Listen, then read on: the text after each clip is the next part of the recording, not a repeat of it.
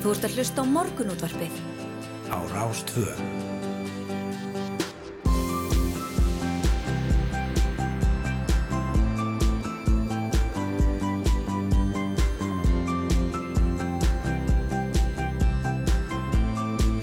Morgunútvarpið Á Rástvö.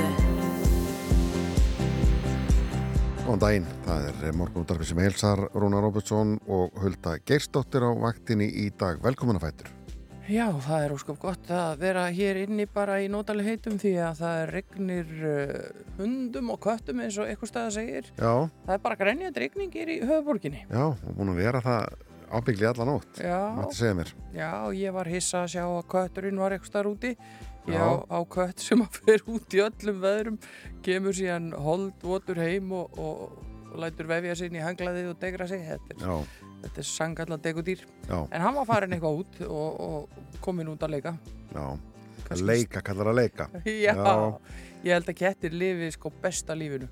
Gera bara það sem þeim sýnist Já. og, og láta dástaði sér þessa milli. Já, ég sá æðislegt myndbandanetinu um daginn af ketti sem að eh, þetta svona myndi mann á hundamyndband þegar að eigandinn kemur og hundurinn kemur hlaupandi og fladrandi upp um hann sko. Já. Þegar að þetta myndband var tekið frá aftan frá á köttin sem hann var að lappa að manni á svona einhverju stjett og skokkaði við því að þetta var eigandinn og eigandinn fyrir að hækja sér og breiði út farminn, Já. faðminn og kötturinn skokkar svona í áttuna manninu þá til svona tveir metrar í hann þá beigir hann bara til vinstur og farin þá sá hann eitthvað áhugaverðara Þetta er mjög kattalegt. Já, það er katalasta myndband sem ég hafi minni síðan. Það er þetta svo leys. Já, já, já, já. En óum að vera hjá okkur í dag. Það er rétt. Við ætlum að, að, að skella okkur árbæðisafni, við ætlum að fræðast um innipúkan, við ætlum að svona brína þess á uh, því sem við þurfum að hafa í huga uh, þegar svona stór ferðahelgi er framöndan og raunverulega sem við þurfum alltaf að hafa í huga. Uh, og uh, svo ætlum við að fá Pétur Markan, biskups, biskupsreitara í heimsókn og heyra í já, formanni Björgunarsveitarinnar Þorbjarnan í Grindavík. Já, Svona smá stöðutek. já, akkurat. Vi, við vorum töluðum reglulega við þá uh, í fyrra Já. en uh, nú er staðan svolítið önnur og við ætlum bara eins að heyra hvað er að frétta af, af Þorbirni. mitt og uh, því sem er að gera þarna hvað Já, já, bara góðstöðuna sem eru kulnaðar er þá draumur þanga og svona. já. Það er það blöðin í dag. Já, aðeinsverð fyrirsögn hér á fórsíðu fréttablasins. Þar segir dýrara að leggja bíl en engaflugil. Já, þetta sá ég einhvern daginn daginn. Já, fimmdaga stæði fyrir engaflugil og reykjavíkuflugilli kostar minna en stæði fyrir bíl í bílakjallara í miðbænum. Og þetta sína útreikningar sem Ísafja hefur staðfest. Og uh, það búið að vera fjalla svo litið um þann mikla fjölda engaþóttna sem hafa verið að koma engað Já, og var hérna áhugaverð samantekti myndi í sjónvarsfréttum um daginn og, og hér er tekið dæmi þau voru með Cessna Citation M2 vél þetta er svona engaflugil í minnikantinum sem uh, tekur sjöfarþega þá kostar 35.485 kall að leggja slíkri vél á Reykjavíkaflugil í 5 sólarhinga og þá er miða við að flugvilin sé í hámas þing þegar hún lendir og því um hámas gjalda ræða. Og ef það er stærri vél þá er kostnaðurinn hærri svona í, í, í samhengi Já. en til samanburðar má nefna að ef bifröðið er lagt í bílakjallaranum undir Hafnatorgi í miðborg Reykjavíkur þá er gjaldi 440 krónur á klukkutíman milli 8 og 8 en 210 krónur frá 8 til 8 að nóttu. Og ef að bílinn stendur þarna í 5 sólarhinga þá eru það 39.000 krónur. Svona er það. Mm, ah. Tikið eftir uh, talandi vélar á, á Reykjavík-flugvillum, maður tikið eftir vél hérna sem stendur hérna núna og búin að standa í nokkra daga sem er svona, ég er nú bara svona áhugaður flugvillar en kannski ætla ekki að fullera tegundina en þetta lítur út eins og Boeing 707 eða 737 eða eitthvað slíkt. Mm. en samt í svona, og sé, þetta sé enga vill já, og hérna, bara áhugavert en eins og sé, ég ve- veit ekki meira um máli engi svo þekkir? Mm, Nei, það er engi komið í kaffi. Uh, Morgunblæði segir hérna á forsýðu í dag um, 100 miljardar skuldaukning frá áramótum. Þá var að tala um ríkiskuldir ekki síst verðtreðar þar eru aftur á uppleið en ríkiskuldir hafa aukist um rúmlega 100 miljardar frá áramótum og vega verðtriða skuldir þar þingst. Fyrir viki hefur vægi verðtriðra ríkiskulda aukist og munu þær því aukast með vaksandi verðbólku. Björgvin Sikvardsson, fórstuðum með lánamála ríkisins, segir í samtali við viðskiptamókan í dag að e, það eiga þátt í aukningu verðtriðra ríkisskulda að skuldgagvart í, í ell sjónum áður íbúðurlánarsjóði var skuldbreytt í verðtriða skuldir. Já, já. Já, svo er það. Sala á notuðum bílum óvinnilega mikil nú, þeir segja þessi seljendamarkaður og hérna uh, það er vegna skorts á, á nýjum bílum að tafist framlisla á nýjum bílum og og nú er fólk að kaupa notaði bíla bara og, og hérna er það náttúrulega, vel svo sem, en um, seljendamarkaður ég, ég hérna tók pröfu á því í ger Já, það er seljendamarkaður, já, þú er búin að finna út úr því. ég, ég prófaði það í ger Já, kannaði málið, já, það segir hér líka á forsýðu fréttablaðsins engar íbúðir fyrir tekjuláa í bóði og það er enginn þeirra íbúða sem eru til sölu á höfuborgarsæðinum þessa mundir fellur undir skilir því hlutdeildar lána. Formaður samtaka leyenda segir úrræðið ekki virka og að stjórnvöldum hafi mistekist að hjálpa tekjuláu fólki að eignast húsnæði og segir hérna reyfing á fjölskyldu fólki út af leigumarkaði er um 1%. Þetta næri ekki til þeirra. Það eru meiri líkur á að læknast af illvígum sjúkdómi en að komast út af leigumarkaði, segir Guðmundur Argrímsson. mm. Morgunblæði segir frá því hér að, að eh, grunur er um að eh, Brusella kannis bakteríusíking hafi komið upp í hundi hér á landi í fyrsta sinn Matalastofnun tilkynnti þetta í gær Brusella kannis veldur uh, súnu sem er sjúkdómur sem getur smitast á milli dýra og manna. En smiti fólk af völdum uh, Brusella kannis eru sjálfgefingu að síður. Já, Samband hefur verið haft við uh, þá sem er taldi líklegast til að verið útsetti fyrir smiti. Já, Þetta er svona áhugavert í, í allir umræðin um, um, um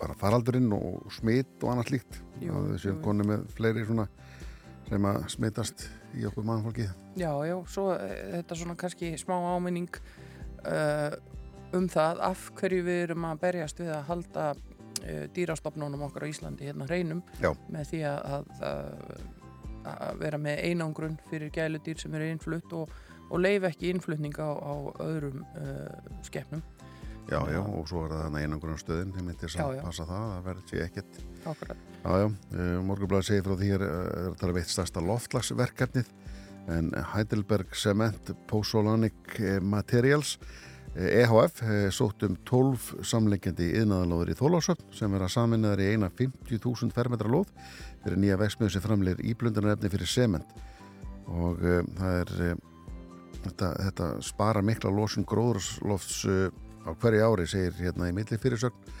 Og uh, uh, þetta íblöndunarefni kemur í stað ösku úr brúnkólum það, það, það, þar, þar kemur spartnaður Já, það er svo lis Já. svo, má gefum við mynd af nýjum gósa sem að uh, er upp að bættir aðstöðu í bláfjöldum þannig að hérna það er verið að vinna þar upp frá. Sitt upp uh, nýja skíðaliftu. Nýr gósi segir hérna.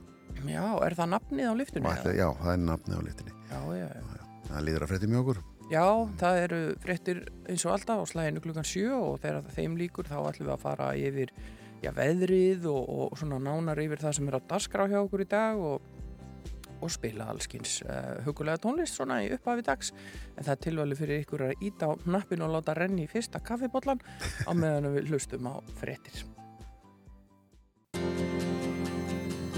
Þú ert að hlusta á morgunútvarpið á Rástvö.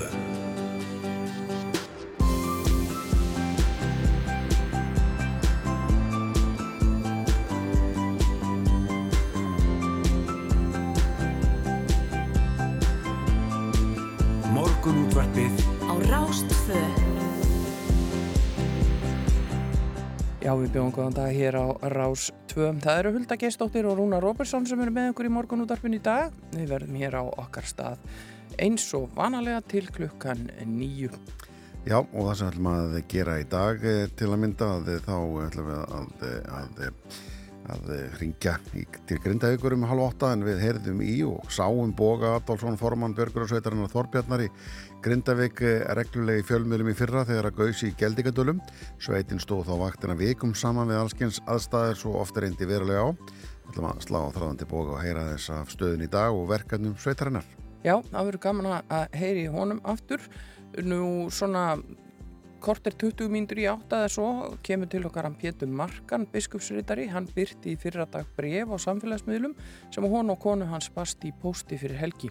Brefið er óundirritað og þau hjónin kölluð creepy fólk sem stundar úrkynjaða hegðun, svo eitthvað sé nefnt. Og eh, Pétur ætlar að koma til okkar, hann ætlar að ræða þetta bref, hatus orðræðu og baráttuna sem hvergernar er lókið. Já, ferðarsumar á Íslandi er hann á hæsta hæðum og nú er mest að ferða helgi ásins framundan. Neiðalínan einni tveir byðlæti fólks að sína ábyrð, halda meðvitund og hafa lítinn öryggisverð á aukslinu á sér. Við fáum Tómas Gíslason aðstofa frangatastjóra neiðalínuna til okkar í kaffi til að fara aðeins yfir þessi mál, skerpa þess á þessu. Um, hvernig maður á, á, hvað það, maður þarf að hafa í huga að maður er að ferðast og, og bara, ert á skemmtun einhverstaðar, hvernig, maður svona aðeins að pikka aukslinu sjálfur sér stundum, já. ekki vera að fá þetta. Já, einmitt og og bara peki í aukslinu sjálfum sér og kannski fleirum Já. og uh, Tómas Gíslason aðstofa frangatastjóri neðalínunar, hann, eins og þú sagðir, hann Já. kemur eftir já. og uh, svo er það Vestlunumanna helgin framöndan og við erum svona búin að vera aðeins að kíkja í, uh, í þessa helstu viðburði. Já, já. Í ár verður tónleika hátíðin Innipúkin sem er framferðum Vestlumhelgi Reykjavík eh, 20 ára en hátíðinni hefur verið aflýst með stuttum, fyrir, eh, fyrirvara síðustu ár vegna COVID. Áskil Guðmundsson eh, svarar fyrir hátíðin en hann átti titringi á eigamönnum í gær þegar hann sagði í kvöldfréttin stöðu 2 reyndar í fyrradag að aldrei sé betra verið Reykjavík en þegar að fýblinur fann til eiga. Bæjastjórn Eyjum, Íris Róbersdóttir var ekki hrifin á orðavalinu og gerði átta að senda á Facebook síðu sinni. Áskil kemur til okkar í lesbjall. Já, nú og ég brá mér á Árbæjasafni, setjumpartin í ger og þar er alltaf nóg um að vera og ég hitti þar Sigurlaug Ingólfsson, verkefnastjóra og íbúa á Já, safninu. hann býr þarna. býr þarna. Já, já. Og hann tók vel á móti mér og saði mér að viðburðum framundan meðal annars um Veslunumanna helgina og bara hvernig það er að búa inn á miðju safni. Já, um mitt. Og má ekki reyfa við neinu. Sem dæmi. Kannski ekki. Alltaf, alltaf hefur sinn Þú- stað. Þú ert ekki þetta típan sem skverar alltaf innan, sko, rýfur alla veggi og, og, og skúpar öll út. Það er ekki búið. Það er ekki bóði. Nákvæmlega. Það er rétt. Já, að fá fyrsta lag dagsins áður við skellum okkur í veðrið. Já, við ætlum að að byrja á tónlistinni og uh, það er þetta fína lagina Runu Torfadóttur sem að nýtur mikill að vinsalda hérna hjá okkur og hefur gert undarfarna vikur. Þetta heitir En.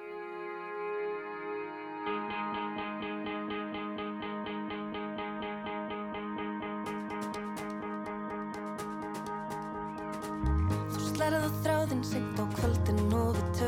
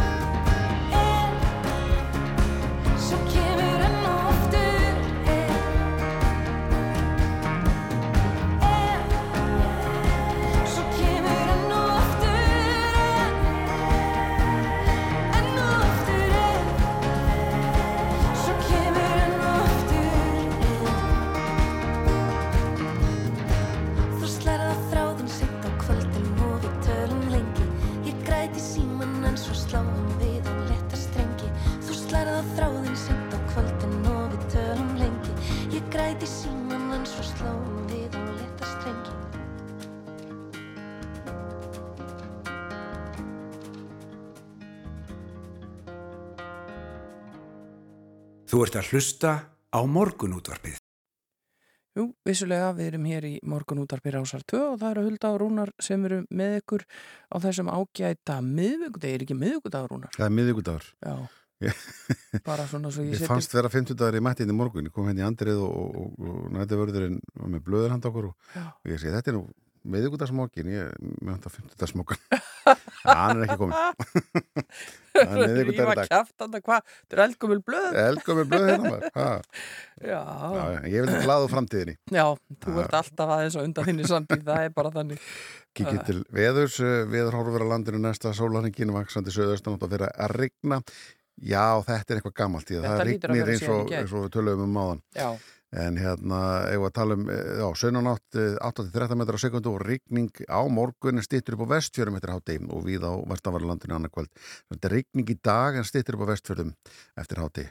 en svo svo fyndið það því við erum vöna að lesa hérna veðurfræðing Já, sem eru hérna neðst á síðunni þegar við förum inn á veður.is og nú er bara ekki þar og ég sé bara fyrir mig svona bugaðan veðurfræðing sem Já, bara, oh, verslunum manna helgin framundan og það er bara rigning í kortanum ég ætla bara ekkert að tjá mig. Nei, mig grunnar samt að það sé einhvers konar bílinn í gangi, ég, ég veit ekki því að hérna, það er ekkit uppfært sko.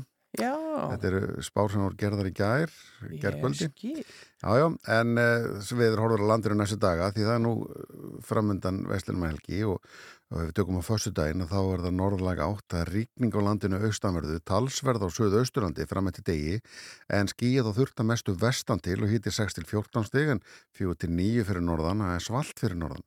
Já, eh, á föstu deginum og lögadeginum hins vegar eh, er ánfram norðanátt en eh, norðlæga, norðvestan.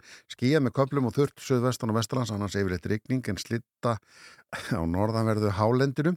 Stitt í smá saman upp um kvöldi hitti 5 til 12 stigi yfir daginn. Slitta já, sko á hálendinu norðanverðu, já já. Á sunnudag er eh, gert ráð fyrir vestlagri átt er rigningum landin norðanvert en líkur á skúrum sunnan jökla og á austanverðu landinu hitti 8 til 14 stigi 5 til 8 stigi norðanlands. Þetta er Æ, við skulum bara vona að þetta, sé svona, þetta breytist bara. Heyrðu, hann hefur heyrt í okkur, Já. hann eða hún Þetta er komið. Skamt vestur af Reykjanesi er lægð sem ber með sér lít og rætt loft og í dag er útlitt fyrir talsverða rigningu víðaskvar á landinu en helst er líklegt að þurft verða á östfjörðum. Svo er það bara gular viðvaranir. Þær eru gildi vegna úrkomu sunnan til á landinu og hvassviðris á miðhálendinu og nokkur hlýjindi fylgja einni og má gera ráð fyrir hita alltaf átján stigum norðaustan til. En það verður heldur svalara í rigningunni fyrir sunnan og vestan.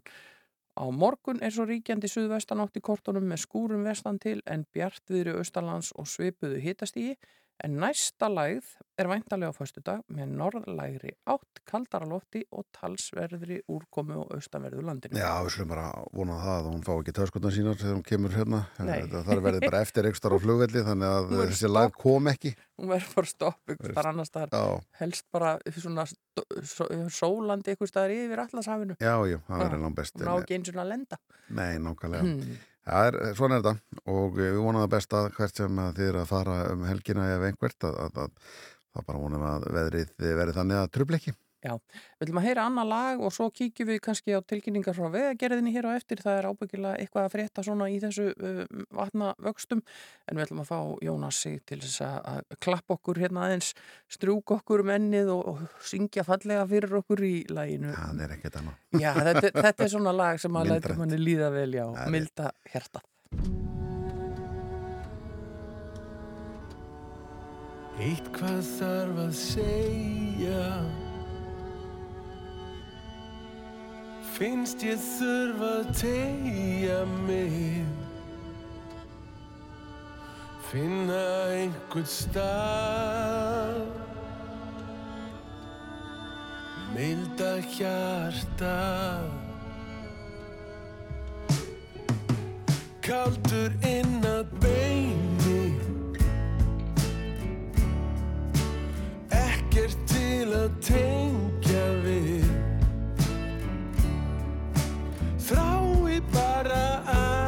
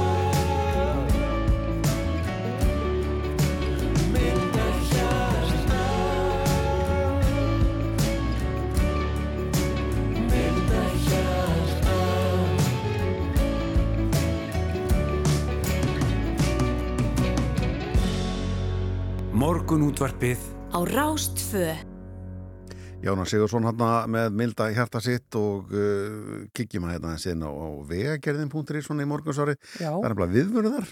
já, það bara segir hér í dag 27. júli spáir mikill rigningu og má því búast við að hálendisvegir lokist. Það má líka búast við miklum vatnavöxtum á sunnanverðurlandinu þó aðalega undir Eyjafjöllum og í Mýrdal og uh, ég hvet fólk eindreiti þess að svona nippa í erlenda ferðamenn þegar einhverja svona aðstæður komu upp að við séum duglega að reyna að dreifa þessum upplýsingum til fólks. Já, einmitt. Því að, eh, já, það, það er svo lis. En talandi um, um, vegagerð að eh, þá segir hér í morgunblöðin dag að, að framkantur við eh, annan áfanga brekkunar, söð, brekkunar söðlandsvegar milli hver að gera svo selfos ganga framar vonum. Umferð verður hleyft á helming kaplans strax í ágúst og verkið verður að mestu tilbúið fyrir áramót. Og það er e, Ágúst Jakob Ólafsson, yfirvekstjóri hjá vertakonum IAVAF sem segir þetta í, vittali á heimasíðu vegagerðarnar. Við skoðum það. Mm. En sangvænt verksamningi ætti lókverksins að vera lók september e, á næsta ári. Já, En starfsmenn IAVAF stefnað því að ljúka stærstu hluta verksins fyrir áramóti næstu Mhm. og hugsanlega verður þó einhver frágangur eftir. Ágúst segir að helstu vafaatriðin snú að brúarsmíði á vegarkaplunum en vegagerðinni sjálfri verður örglega lokið. Byggja þar fimm brýr í þessu verki og er framkvæmdur lokið við þrjáraðra. Það eru tvær brýr yfir Gljúfurholtsá og undurgöng við Dórustæði við námina í Ingolfsfjalli Mhm. Og svo segir hann við erum líka búin að reysa tvenn reyðgöng og búin að steipa upp undurgöngin við Kotströnd en erum að slá fyrir brúarplötunni núna. Svo erum við búin að steipa eitt vegg af fjórum í brú yfir bakkar, bakkárholtsa. Mhm. Eh, hann segir að vegfærandi geti farið að hlakka til því í ágúst verður umferð hleft á stóran hluta nýja vegarins frá kirkjuferjuvegi að nýja ringtorkinu við Selfoss við opnum þennan hluta vegarins vonandi setnin hlutan í ágótt, segir hann. Já, já, já, já á, á, á verð þetta er mikil umferð þarna á þessu sveiði og... Já, þetta er mikil vega bót þetta er, þetta er allt komið í gagni. Það er auðvitað hluta af þessu uh, komin í nótkunn jú, jú. og, og mik mikla breytingar þarna á veginum. hann segir hérna, eh, hér segir á kaplanum frá Gottströnd og að kirkjuferi vegi verður byggður nýr vegur frá grunni sem er ekki í sama vegstæð og gamli ringvegurinn og þar segir uh, segir hann uh, hann hérna Ágúst Jakob yfirvexturi hjá IAVAF þar erum við búin að ljúka við undirbyggingu og fyllingar og á þeim kaplaður þessar tvær brýr sem er ekki enn fullreistar. Vonandi ná við að hleypa umfyrða þann kapla í lok árs. Mm. en um, þessar myndir eru um 55 manns að vinna við brekkun Söðurlandsvegar til verksins eru nótum 30 tæki allt frá vörubílum, ítum og völdurum til malbygguna vil að grafa og hebla Allt þetta helsta sem Allt þarf. Allt þetta helsta sem til þarf. Já, já. já, já. Heyrðu, það var engin uh, mánudagsmeir þessa vikuna, þannig að við hendum í miðvíkudagsmeir og það er uh, John Mayer sem syngur Something Like Olivia. Well, Olivia is taken But a look like hers can be found from time to time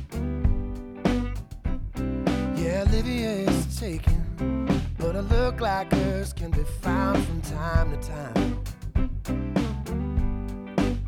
I'm thinking something like Olivia is what I need to find. There's only one man in this world who gets to sleep with her by his side. There's only one man in this world who gets to sleep with her by his side. I'm thinking something like Olivia could keep me through the night.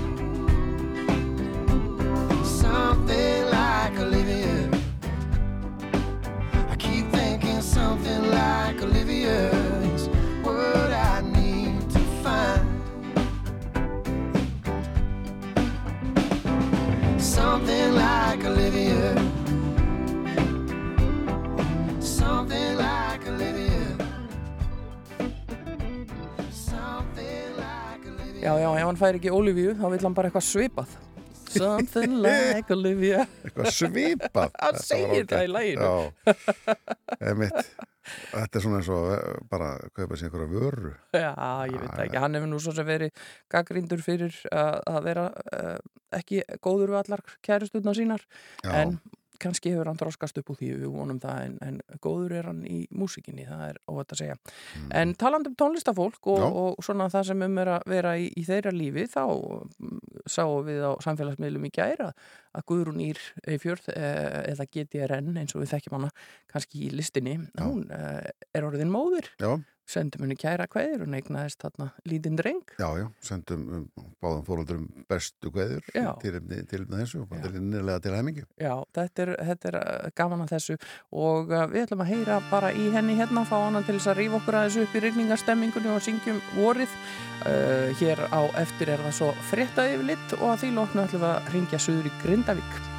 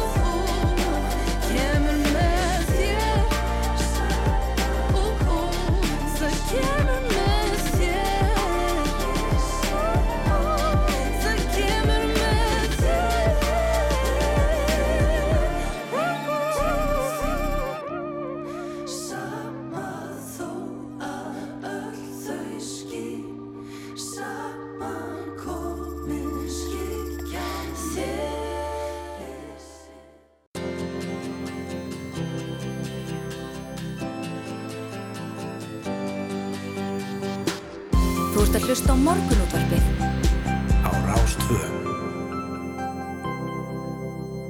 við heyrðum í og sáum eh, Boga Adolfsson, formann Björgunarsveitarinn Þorbjarnar í Grindavík reglulegi í fjölmiðlum í fyrra þegar gauðs í jú. Þá stóð sveitin vaktina vikum saman við allskins aðstæður svo oft reyndi verulega á og uh, við vorum svona, okkur varð hugsað til Boga og félaga og okkur langaði að heyra eins af stöðunni þarna á svæðinu í dag og verkefnum sveitarinnar og Bogi er á línunni. Góðan daginn Bogi. Góðaði. Já, er ekki einfaldast að byrja bara upp á gamla mátal og segja bara hvað er að frétta? Það er nú sko rólegt eins og er sko. Já, Hver, Bara regning. já nákvæmlega. En hvernig er þessu háttað við góðstöðuna núna? Það er ennþá tölverta fólki að koma en kannski ekki til líkingu við það sem var. Nei, kannski ekki alveg þessi sólaringstrafík sem var og, og hérna brjálaði sem var hérna í smá stund sko. En það er nú alveg trafík sko. Það er aðalega náttúrulega bara túrismi núna. Já. Og, og hvernig eru aðstæður? Er, er, þurfið þið að vera þarna eða eru þið eitthvað með vaktir eða hve- hvernig er þetta framkvæmt í dag?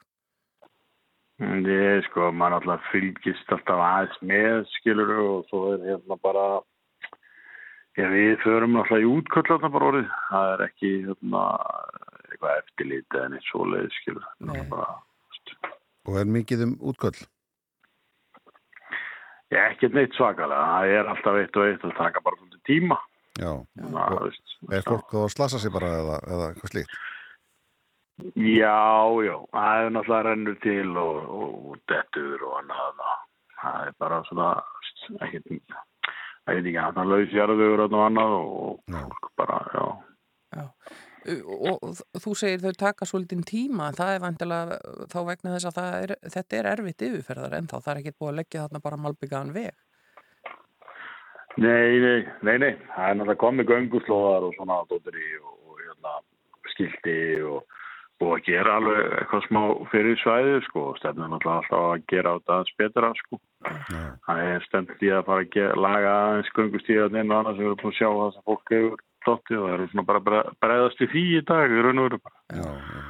Er, er hraunið heitt á, á, á einhverjum köplum hann einhverstað sem að hætta, hættur þetta að fara hætta sér nærri eða uh, að því mann og eftir að það var ennþá hitti til dæmis í, í he- heima í þegar fólk er að elda þar rúbröðið sitt hvernig er staðan hann Jú, jú, það, það er alveg hittið að það þá sko. Tölum að það geti alveg myndað svona gaspóllari líka inn á milli ert eitthvað að fara út á rumbröðina sko. Sérstaklega að er logn en við erum bara svo heppin að það er mjög sjönda logn hérna. Við þekkjum það. Er ekki það já, já. En, en sko, þetta, þetta var náttúrulega ekkit, ekkit lítið álag á ykkar fólk og á björgunarsveitina og auðvitað marga fleiri en, en svona hvernig komuðu út úr þessu verkefni og, og fenguðu eitthvað fyrir þetta? Hvernig fór þetta allt saman? Það er náttúrulega bara samninga millir almannavarn og landsbergar og þessu leik skilur sem að hérna, skilja eitthvað í en, en það eru með svona verkefni þá er fljótt út hínum einn. Þannig að hérna, við erum ekkert skilur hérna, erum ekkert ill út úr þessu en, en, en veist, það er náttúrulega bara búið að taka svona núna það er orðið eitt og hálft ára eða cirka síðan að gósi var og hætti, eða, hætti. Það- Já. mann ekki alveg hvenar það var alveg hvenar það hætti en, en það var hérna það er bara að taka okkur smá tíma náttúrulega að yfirfara dót og hús og mannskapurinn er svona komin í eðlilega grúf Já. En það hefur engin, Bara- engin bara fengið nóg og, og hætt í sveitin eftir þetta? ekki svona góðum félagskap fólki finnst þetta svo gaman skilur það er bara, fólk er að gera þetta það er bara ástriðið og hérna, finnst bara gaman að vera í björgunarsveit og þetta er náttúrulega bara, ef ég, ef maður er alltaf sagt þetta, það er alltaf áhuga máli. Já, Já, Það er, það er bara eins og sumir að fókbólta og aðrir að björgun og hérna, ég endi náttúrulega bara með landslýs hópi í þessu. já, það er óvægt að segja það. og þið, þú myndir mæla með fyrir fólk að, að fara í, í björgunarsveit. Já, já, þetta er mjög skemmtilegt að gefa þetta starf, sko. Þetta Já. er hérna bara félagskapurinn og annað og svo bara ánægjan þegar að vel tekst til og, og, og Já. skila fólki heim, sko. Hvernig er nýliðin hjá, eins og þeim sjá ykkur bara? Við fáum mikið af krökkum út úr úrlingastarfinu sem er mjög öflugt og, og svo er bara, er mikið líka bara fólk sem kíkir á okkur og Mm. hann okkur finnir sér í þessu eða ekki, sko. Já. Hvað þarf maður að vera orðin gamall til að mega byrja til dæmis í úlingastarfi Björgunarsveita? Ó, ég man ekki að ég er hvort það sé sjöndi, áttundi bekkur. Já, þetta er svona úling, úlingsaldurinn þar sem að hægt er að byrja í Já. þessu starfi. Já, svo eru sem, sem hætti aldrei, þeir gerast svo umsjóna menn þeir gerast, eru komnir upp í sveitina og ég veit um suma sem að hafa aldrei hætti í úlingastarfi í raun og veru, þú séð þetta starfi í sveitinni. Það Þá er... þeir náttúrulega að sinna þessum krökkum og, og þessu frábæra félagsstarfi sem er unnið þar. Sko. En hver eru svona helstu verkefni ykkar í Þorbirni þessa dagana? Er það bara að vera, vera klári í útköll? Já, já, það er náttúrulega fyrst og fremst, það er bara að sinna okkar innra félagsstarfi og félagsmönnum og vera með hérna program, en við náttúrulega kallum okkur vera í sömafríi núna Já, og er að reyna það þetta? er núna bara hálendisgæslan bara. Já, Það þið er takkir þátt í, í, sunnudaginn næsta að fara í það. Já, Já, já, það er það er náttúrulega eitt af þessum skemmtilegu verkefnum sem að með er, fólk er í þessu starfi, sko. já, já, já, við vorum einmitt að fjalla um hálendisvaktina um, um daginn og, og gaman að heyra að því hversu margir hafa áhuga að vera með því starfi. En nú er auðvitað þessi áframhaldandi svona, já, við kannski segjum ekki ógn, en, en það er mikil umræða um möguleikan á frekari eldsumbrotum á þessu svæði. E, eru þið búin að leggjast eh, enn meira yfir það ef að, ef að það fer að gjósa aftur? Hvernig þið munu taka á því? Já, já, það er náttúrulega bara gert innan alvarðardömsins og, og, og okkur sko lauruglunir og hérna við erum alveg svo sem búin að niður þetta niður hvernig við myndum vinna þetta aftur ef við lendum í þess aftur en, en svo er náttúrulega bara funding með staðsynning og annað, það er náttúrulega breytið svipmyndin hvernig við vinnum Já, og hvað þarf að gera og hérna en annars hérna og við náttúrulega teljum okkur vera svo sem kannski aðeins búin að æfa þetta núna. Já, það er óvægt að segja það. Pínu, pínu, pínu lítið Búin að þannig að já, þannig að ég held bara að hérna, þetta er heila allt klárt hvernig munum, þetta mun vinnast ef þetta skeður aftur sko. Já, þetta er, þetta er áhugavert að heyra og, og, og gott að heyra að það er eh, engan bilbu á ykkur að finna í Björgunarsundinni Þorbirni þrátt fyrir þetta mikla álag þarna eh, um langt skeið. Þið eru bara haldið, standið vaktina og haldið áfram að sinna ykkar. Já, já, svo bara sá maður núna og maður er búin að gleyma hlutum eftir að COVID byrjaði, nú hérna byrjaði allir að koma útgöld við hérna kleifavatn og svona, þá hérna fattar maður það, það er náttúrulega skemmtifæraskipinu komin og ferðið þetta þar. Já, Þetta er eins og næst og eitt útgall þar, í kringum kleifavatn og seldúm og svona, en, en ekki ekki mikið skilur, bara það er búið að vera eitthvað 2-3 já, og annars hérna þá hérna mann var svona hlutum að COVID tók náttúrulega sem að ferða með skút, sko. já, sem að auðvitað eh, kannski með aukinni umferð ferðamanna þá náttúrulega kannski fjölgar sliðsum á svoðinu. Já, já, já, já, það kemur alltaf eitthvað aðeins, sko. Já, já. En gott að heyri þið bói, ég veit þú hefur nóg að gera eins og alltaf en um, þú reynir nú að taka eitthvað sumafrí, er það ekki? Já, fyrst aðeins, árið vanni frí. Já, gott, gott. Gaman að heyri þér bói Adolfsson hjá Björgunarsveitinni Þorbirni í Grindavík. Takk fyrir að vera á línunni og gangi ykkur sem allra best í ykkar starfu. Já, takk sem við leiðis. Bless, bless.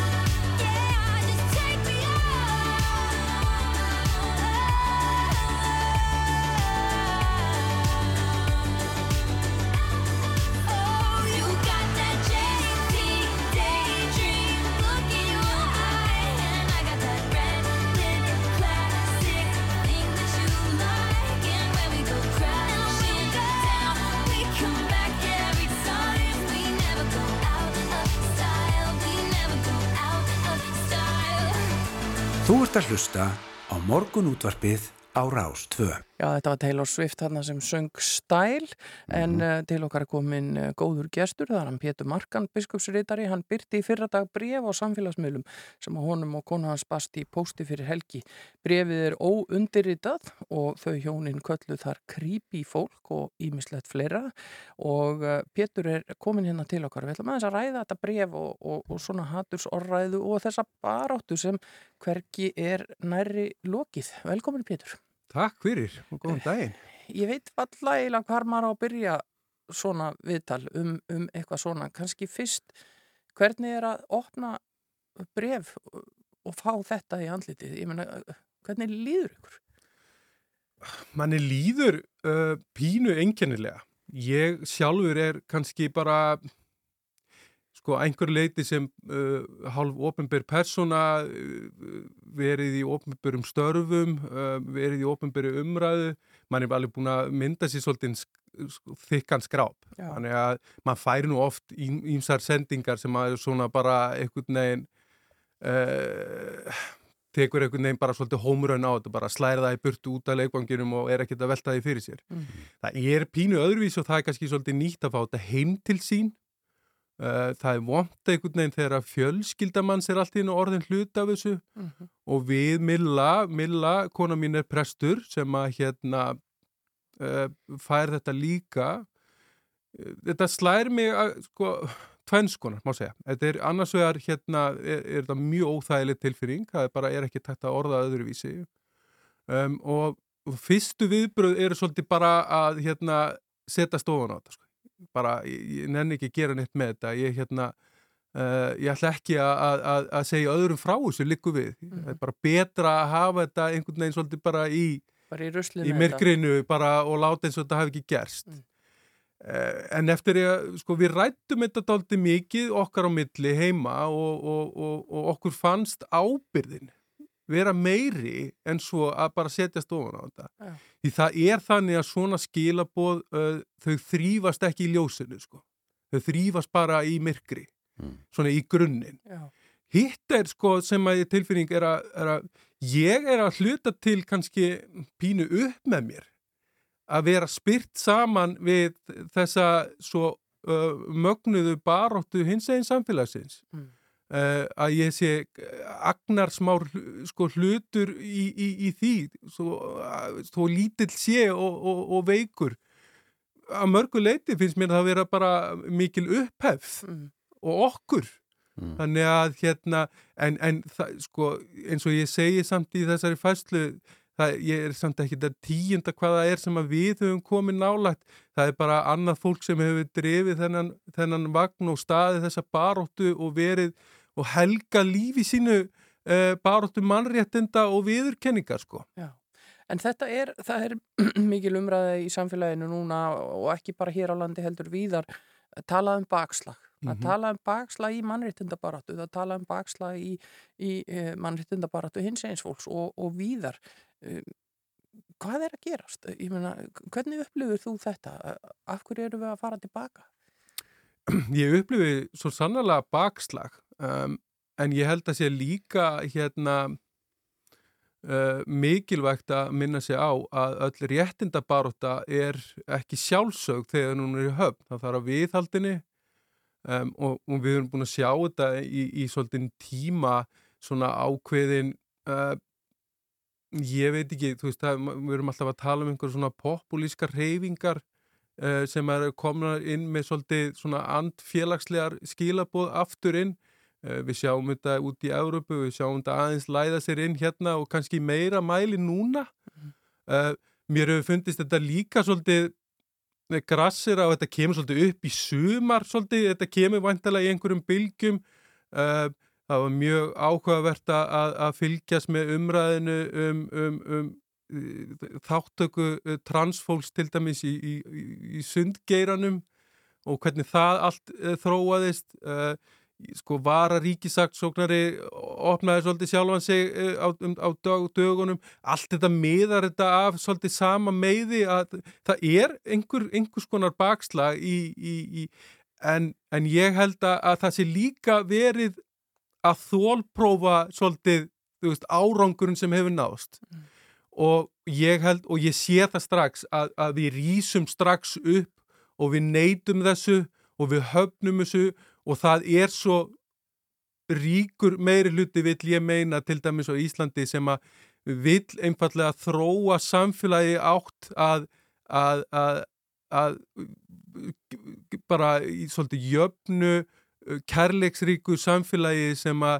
viðurkennir uh, og tekur fólki eins og því það er og tekur ástina umfram uh, uh, einhvers konar hér, sko, einhverja bása sem að við setjum allt fólk í sko. Nú verðist þetta hafa verið svolítið tengslu við samfélagsmiðla líka uh, það var veist að að tefum mönnunum sem voru að taka leigubíla var gælt að þeim, það Já. verðist verið einhvers konar TikTok-trend svo í Já. sletti nú og, og svona fyrir, fyrir ung, sem ung fólk er að, að apu bettir, við sjáum skemdaverk á, á eh, við Grafavarskirkju, það er, Já, já. er ítrekkað Já, já. og hérna kirkjan hefur, var, var kannski svolítið sein í þessu umræðu á sín Mhm. tíma, er réttlátt að segja það eða sangjart að segja það, en, en verðist vera komið þangað núna og þá fáið þið svona á ykkur eitthvað, þess að fólk ekki tilbúið í þetta? Sko ákveðnir Já, ákveðnir hluti? ég, þetta er alveg hárétt sko, og, og, og það er nú það sem að kirkjan hefur verið að, að taka uh, ábyrð á er að, er að hún var sein til og hérna uh, en ég vil meina að hún sé í dag einhver öflugasti uh, uh, bandamaður hins einn samfélagsins, ég bara fullir það, hún er það. En, en hún var sein til og það kann að vera að þegar að kirkjan er, er búin að stilla sér upp ekki bara það að viðkenna eitthvað samfélag heldur að vera bandamaður og vera þess vegna sko sporgöngu uh, aðili bara heimfallega að ganga undan uh, sem hún á að gera og ég vil meina að hún, hún muni gera uh, þá náttúrulega koma upp þessi hérna tilfelli og, og, og Gráuskirkja er mjög gott dæmi um það sem að er bara hatus áróður og, og, og hatus umræða krótuð á, á, á, á þessi einkennisták mm -hmm. uh, kærleikans. mm. En það er líka eitt sem er mjög áhugavert að skoða sem að hérna að því við erum að tala um bakslag. Þetta er í sjálfu sér ekki bara bakslag fyrir hinsvegin samfélagið. Þetta er bakslag fyrir samfélagið í heilsinni. Mm. Samfélag sem að uh, vill vera frjálslind, opið og, og hérna og það, ég bara, ég, ég eiginlega bara leifi mér að fullir það að síðustu 20 ár uh, hafa samtökinn 78 hins einn samri leitt einhverja sko mögnuðustu sko móralsku breytingu á samfélaginu. Uh, móralsk breyting sem að miðra því að við, við erum, við erum góð við hvort annað uh, við viðkemum hvort annað uh, við, við, veist, notum orði ást í meira mæli og og, það sé svona ákveðin eh, sko, samskiptamáti sem við eigum að tilengja okkur. Mm. Þetta er ákveðin mórölsk breyting á samfélagi sem að sko, samtökin hafa bara einfallega leitt Já. og það er magnað uh, og við verðum að viðkenna það og, og, og veita því nöðsela aðdán og um leið þegar þetta baksla kemur þá er þetta samfélagslegt baksla líka mm. og ég vil meina til dæmis að eins og hinsegindagar og hérna og gleðigangan uh, sem er orðin nánast sko starri en 17. júni likur við mm -hmm. uh, þetta er náttúrulega sko þarna kemur þjóðin saman og fagnar fjölbreytileikarum og frjálslindinu Já. Ég sé, sé hérna í fréttablaðinu í dag að það er verið að tala við prestinni í Grafórskirkju, Anna Guðrúnu Guðrún Karls Helgudóttir og þar segir hún uh, til dæmis uh, út af því að sko setna krótið hjá þeim mm. á að vera vitna í biblíuna og uh, það er verið að finna í þriði músibók gamla testamentisins testamentisins við því lögð döðaræsing við kynmjöngum millir tvekja kartmanna og hún segir til dæmis að taka þetta vess úr sínu samingi til að stiðja málstað gegn hins sem fólki lýsir í hennar huga einhverju öðru en kærleik sér ekki trúvið komandi alveg geta tekið úr texta mm -hmm. úr sama textafólki að það er að líflöta fólk fyrir að bölva fóröldinu sínum eða við Karl Sefri og konu og blæðingum eða líflöta þau bæði og ímsi svona öfgar mm -hmm. þannig að þetta er, þetta er fólk er að grýpa í einhverja hendingu í biblínu sem hendar hverju sinni Já og kannski að einhver leiti, nú veit ég ekkit hver krótar þetta niður og, og hvaða lífsafstöðan hefur En ef við tökum þetta bara út frá kristnum skilningi, þá er kannski það mikilvægasta sem að Kristur segir í Nýja testamentinu, er að hann er komin til að afnema lögmálið. Það sem er vísað þarna er sko hreint lögmál. Mm -hmm. Lögmálsbækurnar eru þarna sko uh, uh, og þetta er bara vísun í þær. Kristur kom sérstaklega til þess að afnema lögmálið og innleiti kærleikan. Þannig að, að sko, það, í sjálfis er út frá bara sko Uh, trúfræðilegum skilningi þá bara er, er þetta í sjálf og sér þessi skilningu farin og við erum á, á tímum kærleikans svo þetta sé, sé bara undistrykað uh, en hitt er náttúrulega að, að við sem samfélag erum bara einfallega búin að útýsa þessum skilabóðum mm -hmm. Og við sem samfélag erum einfallega búin að, að, að við, sko, við sem samfélag við gerum kröfu um það að við séum jöfn og við eigum söm viðkenninguna skilið og, og það er kannski það sem er og, og á að vera útgangspunktur sko. Já, rétt í lókin að því tíminn flýgur frá okkur uh, þið ákvaðuð að byrta þetta í stað þess að henda þessu í ruslið uh, hvaða viðbröð hafið þið fengið? Bara ótrúleg uh, svona stuðningsviðbröð og það er náttúrulega þetta sem ég kannski nefndi á hann langstærsti hluti og nánast bara alltaf, bara alltaf fólk sem ég þekki og, og ég vil meina íslenska þjóðinn mm -hmm. kjarnin íslenska þjóðinu hafnar þessu Já. þannig að hún lætur í sér heyra þegar hún sér svona skilabóð það er grunnurinn í, í, og ég held að, sko, ég var pínu mér fannst erfitt að setja þetta á netið uh, uh, en ég held að endanum það hafi bara einfallega verið rétt Uh, að því það er kannski þetta sem ég kannski nefndi upphafi og, og, og mér varst kona mín komast svo vel orði í gær að sama hlut svona hatur þrýfst ekki í myrkri og það eyðist upp í ljósunu sko. Þannig að við smerkir þetta líka að viðkomandi sem skrifar þetta bref, við erum vita að hann hafi ránt fyrir sér þegar hann þorir ekki að setja nafnsett við það. Já, já. Og svo kannski bara að lokum sem var kannski frábært er að við fórum með þetta í leiðinni heim í gæra að skipulegja það hvern, hvenar við ætlum að gifta okkur. Það er nefnilega þannig að, að, að, að þegar maður eignast þrjú börn og, hérna, og er í, í, í lífsins pakka þá bara gleyma stundum að gifta sig þannig að við erum ekki hjón en við erum að leiðin að vera hjón eitt daginn. það styttist í það. Takk innilega fyrir að gefa þið tíma til að koma til okkar, Pétur Markan, biskupsritari og fara yfir þetta mál með okkur. Takk en hér framöndan fréttir klukkan átta og svo komum við aftur. Þú ert að hlusta á morgunútvarpið. á Rástvö.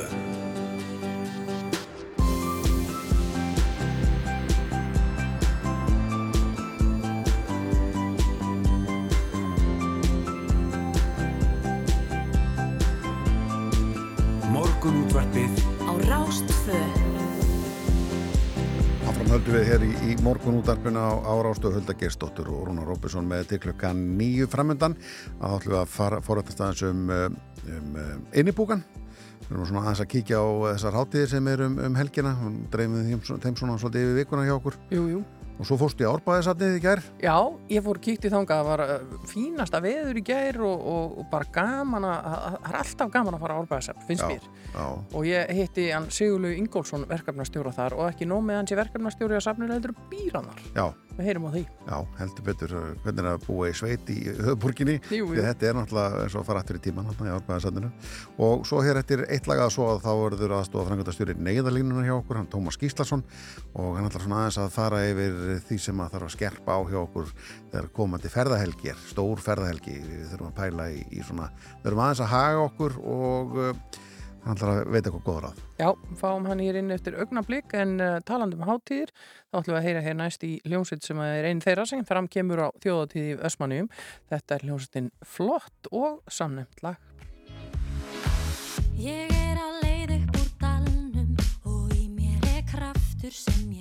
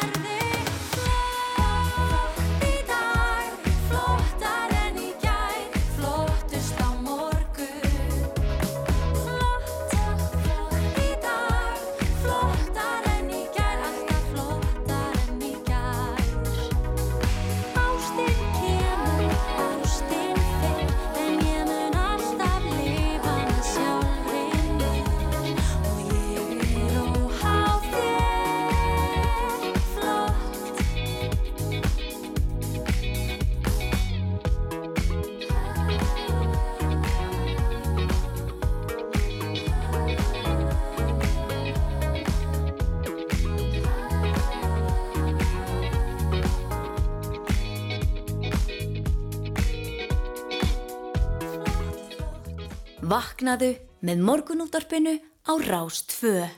Við treystum nú á það að allir séu vaknaði núna klukkan á nýju mínútur yfir átta. Já, Það kom miður dagur í okkur með að við kunna við vaknum. þú ert bjassín Nei, ég vona að fólk sem er í fríi njóti þess að Já, út en það langar að sofa út. En það er allt okkar efni á vefnum á rú.is og í rúvappinu ef að fólk missi Já, já, já, já. En framöndan er náttúrulega stærsta ferðahelgi ásins, vestlunum hana helgin og það er búið að náttúrulega, júli er mikill ferðamánuður og uh, annars líkt, uh, þá þarf að huga þýmsu og menn, uh, sko, þú ert að fara úti á því að þú ert að fara í stað þar sem er margt fólk saman komið, að uh, þá vil sundu verða að menn gleyma að haga sér og annars líkt og við ákváðum að fá til okkar hann uh, Tómas Gíslason, hann aðstóðar frangatastjóri neðalínuna og hann er komin til okkar, sælablesaður. Þið, þið eru með svona smá átak, svona sm- smá vitundavakningu. í Já, hefur reynda verið með það núna í síðan mitt sumar 2020 sko. Fórum á stað í kjölfar hérna, bara svona greiningar á þróun ofbeldis í COVID Mm. og byrjuðum átakið á að taka að reyna að vekja fólk til vitundar um sko þessa hættu sem er bara ofbeldi í nánum samböndum já, og höfum svo haldið því áfram og með alls konar umbyltingu á vefnum okkar og gefa út nýtt app til þess að fólk geti þá sendt frá sér staðsetningu ef að það er í einhverjum aðstæðum sem það telja órugar Já.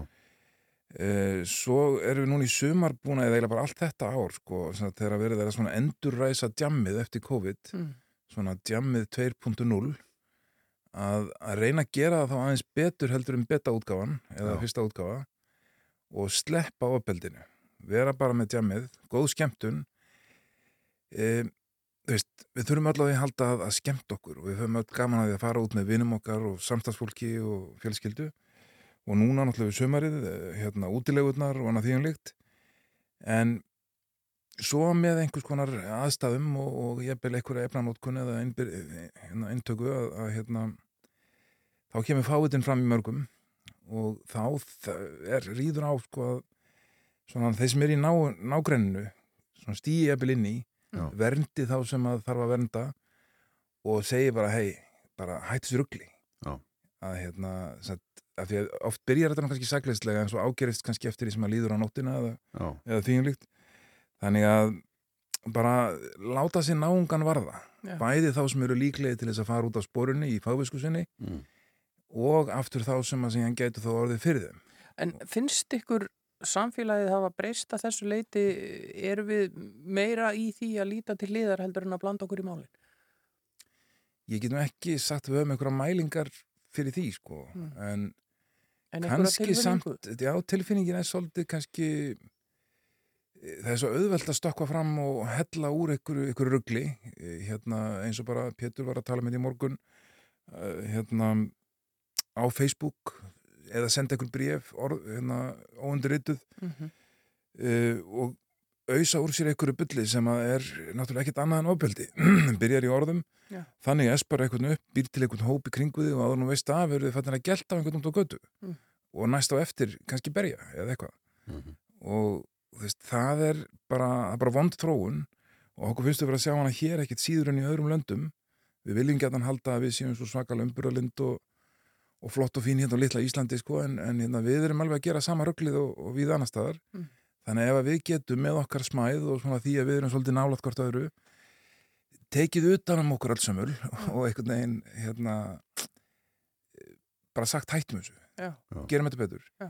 og auðvitað takmarki það að það verði bara alla skemmtanir og, og allar helgar endalust fjör og endalust gaman og, og enginn er meitur en ef að það gerist þó að þá er náttúrulega neðalínan hérna á bakvið þess að svarar öllum sem er í neyð, senda neyðarkall Mm. og hérna og bregst við já. eins og mögulegt er hérna hverju sinni sko. Já, að þér nefndir uh, breytingu frá því að COVID var og, og svo núna uh, f- f- verðið var við mikla aukningu á, á símtölu myndil ykkar E, það er alveg aukning, Mm. sérstaklega núna sko með þessum auknum ferða hérna lögum að það er, það er bara verulega mikil aukning tengd sko fólki sem er statt hér og þar. E, hérna brjóta sig á stöðum sem það hefur engin verið á sko einhverja, einhverja mánuði og svo náttúrulega um helgar partíhaldið, hérna við vitum nákvæmlega sko hvenar þessi hátíðir hér og þessi hátíðir þar. Eh, hérna bara já, það er bara mikil erill um helgar. Það er bara eins og Já. sé stanslaust sko lögataskvöld sko alveg frá 50 degi til sunnudags. Já. og hérna já, við verðum alveg vörfið það klálega. En neðalínan 112, uh, hún tekur við, já, nánast öllu. Uh, Stundu finnst mér eins og, og það er kannski eitthvað sem þú sér sem að er ekki í lægi en er kannski ekki beinlýris hættulegt eða þú sér eitthvað vera... Ekki neyð. Uh, já, það er ekki neyð en þú vilt kannski ringi lögguna og láta vita af ykkur. Uh, það fer allt í gegnum ykkur. Já, ef, þeir, ef þú heldur að þú gætir kannski þurft að ringi lauruguna Mm. Ringdu þá í einnig tveir Já. það er leiðin til að samband við lauruglu til að bregðast við auðvitað ert að hafa samband við einhvern rannsakanda út af einhverju máli sem var í síðustu viku og þarf að ringi lauruguna Já. þá ringir þú á lauruglu stöðu viðkomandi embæti sem er að rannsaka þetta en ef þú ert að sjá eitthvað sem þú heldur að sé jafnvel árás, byrlun eh, hérna, imbrot alltaf bara einnið tveir Já. þú áttu ekki að þurfa að velta fyrir því hvernig nægi eftir sambandi við laurugluna í þessu sveitafélagi sem ég stættu núna Já, það er bara einnið tveir já. Og þið komið fólki þá áfram. og við gefum þá samband áfram, áfram á fjarskiptameðstöð ríkislörgustjóra Mhm. sem að þá vinnur úr því áfram og í sumum tilvíkun jafnvel sem sagt, ræsir, eða bara oft náttúrulega ræsir þá lauruglu í heimahýraði Mhm. Sem getur þá bröðust við hansi, hansi rætt sko því hún er þá gætnan náttúrulega bara ekstar í nágræni við viðkomandi atbyrð sko. Já. Já. Það er mikið álag á heilbriði starfsfólki í COVID og, og ekki enn kannski búið að vinna algjörlega úr því. Hvernig fór COVID með ykkur hjá neðalínunni? Það hefur væntalega verið mikið auka álag hjá ykkur líka. Já, það voru náttúrulega hansi miklu þessi flutningar það mátti ekki, fólk sem var COVID-smita mátti ekki bara hoppa upp í leigubíl eða strætó eða eitthvað það, hérna, það var hansi mikið um flutningar við sáum ja, fyrir, fyrir COVID voru það mjög stórir dagar sem að fóru kannski upp í 120 flutninga á sólaring Mm. á COVID-tímanum sáum við oft 200 flutninga á sólaring Já. þannig að, að það eru bara, já, það er veruleg aukning þar. E, það hefur að einhverju leiti gengið tilbaka. Um, þannig að það er kannski heldur færri flutningar eða svona lengra á milli svona stóra daga en svo er náttúrulega líka bara skipula á stofnunum það þarf að flytja frá öldrunastofnunum það er að vera mjög aldrara fólk þar Mm. það þarf að flytja það til rannsóknar röngen, skilun, veist, alls konar þannig að Er það þá ykkar konu? Það, það, það fyrir fyrir gegnum þeir flutninga fara allir gegnum okkur Já, já. reyndar er það hérna, við erum svolítið að beina kannski þessum stopnunum eins og hérna hrafnistu og fleirum inn á neti með sína pantanir sko Mm. og þá bara fara þær pantanir inn í þetta er náttúrulega ekki forgangsflutningar þannig séð, það, Nei, er, nei. það liggur á að þessi koma á réttum tíma Mm en það er að láta okkur vita með góðum fyrirvara þannig að þetta er að gera það Já. í góðum takti við annað sem er í gangi Já. En, en þegar svona stór helgir framöndan eins og núna og, og við vitum að það verður álag á ykkar fólki og lögreglu og heilbriði starfsfólki uh, gerir þeir ráðstafinir er þeir að flytja til starfsfólki uh, er, er eitthvað svona já, eins og með sjúkraflutningana eru þeir að senda auka mannskap til dæmis Við á erum náttúrulega ekki með þjóðatíð sjúkraflutningarna. Sjúkraflutningarnir eru á forræði sko, heilbrigðisstofnana á hverju svæði og eins og hér í Reykjavík er að slökkulið höfuborgarsvæðisins. E, þannig að þessi venjulegu fyrirbæri sem sagt, F1, F2 flutningar, þeir halda alltaf áfram. Já. Fólk heldur áfram að fá sín hjartaslögu heila blóðfull og þar með göttum. Mhm. E, alveg óháð því hvort það séu Vestlumhelgi eða ekki. Sko. En síðan eru þessi svona álagstengdu hérna, flutningar eða, eða viðbrað það er þá náttúrulega svæðisbundið Já. og að sjálfsögð er lauruglan á staðnum með eld viðbrað og, og, og sjálfsagt líka allavega fullmannaða vaktir í sjúkraflutningum og öðru. Já, en bæti þið til dæmis í ykkar hóp Nei, við höfum yfirleitt ekki gert það. En það er þó komið, sem sagt, við reynum allavega að tryggja að það sé velmannað, það sé fullmannað, af því að oft á tíðum sem þetta eru rólegar virkar dagar að þá, og það einhver tilkynni sér veikan, að þá, þá líðum við það að það sé undirmannað, meðan að það er ekki valkostur sko, um Vestlumhelgi eða gamláskvöld eða veist, það er svona, það er einstakar dagar sem við alveg þekkjum sem svona álagsdaga Mhm. en kannski kemur óvart að jú, það er meiri erill en við höfum líka viðbrað nær, það er fljótar að bregðast við af því að það er lögregla á staðnum, það er gæsla á staðnum Já. Uh, við höfum sendt fólk eða samt, við höfum stuðlað því að, að fólk á svona við, viðbrað haldarar hafa verið að fara með sitt fólk á námskeið hjá kona sem er svona sérafis í í svona þjálfun Benedikta Sörensen held ég hún heiti uh, sem að hérna hefur verið með námskeið fyrir viðbrað haldara og þeirra starfsfólk Já. um hvernig það geta brúðist hratt við og, og beitt sér inn í málum Mhm. og við getum þá haft samband við eh, það fólk á hverjum stað fyrir sig Já. þannig að við svona erum að reyna að stitta viðbræðið þannig að við þurfum ekki að vera eins lengi yfir því Já. og þannig ráðið betur við sko fjöldan sem kemur Já. af því að allt er þetta nú spurningum, sko þú veist, þú hefur 60 mínútur per klukkustund í þessum stóla bregðast við einhverju og ef að hvert viðbræði er mjög stutt þá getur ráðið við fleiri á þessum klukkutíma Já. þannig að En, en hérna er, er það eitthvað mál í dag að, að hérna að fólk í paniki ringir ykkur eh, svo vill verða gleymir að segja hvar það er? Getið þið miðað það út bara strax eða? Við getum ekki miðað það út Nei, en það voruð framfærir í svona staðsetningum. Uh, bæðir að, að hérna, allir sem ringja úr símum, snjallsímum með íslensk simkort uh, þeir símar senda okkur staðsetningu að þeir Já. verður að ringja úr í 112 Mm. að þá fáum við staðsetningu úr þeim símum Já. og það er að segja ef þeir eru með hérna, batteri í lagi þannig að þið geta náðu GPS veist, það er alls konar svona teknilegi smáatriði sem geta orðið til þess að það klikki e, síðan ef þú ringir úr hérna, appinu þess að þetta hefur samband með 1.2 appinu að þá fáum við líka staðsningu þegar þú ringir beint úr appinu í Já. 1.2 Mm. En það er rauninni sömu staðsningar upplýsingar og þess vegna hafa sömu teknilegu anmörkum Já. að eitthvað getur klikkað. Þannig að það er ekkert sem kemur alveg í staðin fyrir meðvundunum að vita hvar þú ert stattur ef þú ert í djamminu verður vissum að þú vitir að það er á Akarnes eða Stikisól með það Já. Já. Það er Og- margar götur sko? sem heita það sama náttúrulega í bæjarfélögum. Já, já, Hafnarstræti 5 er til mjög víða um landi já, já. en þá fáum við náttúrulega oft líka staðsetninguna út frá sem sagt, símamastrinu Já, einmitt. Uh, hérna, þannig að það er svona já, það er veist, þú átt að vera meðvitaður, þú þarft að vita hvar þú stattur en við höfum tæki og tól sem hjálp okkur oft Einmitt. en ekki alltaf það.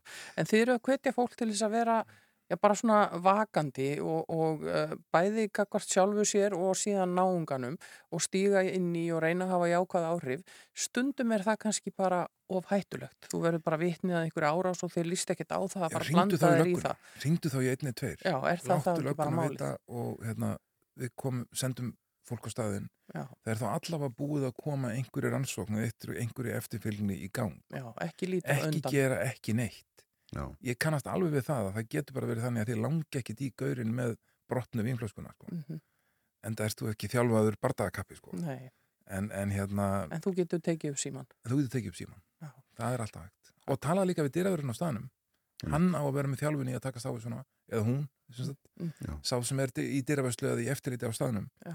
láttu það fólk vita líka það er næst vettvangi sko. Já, það eru auðvitað gæsla á öllum þessum hátíðum.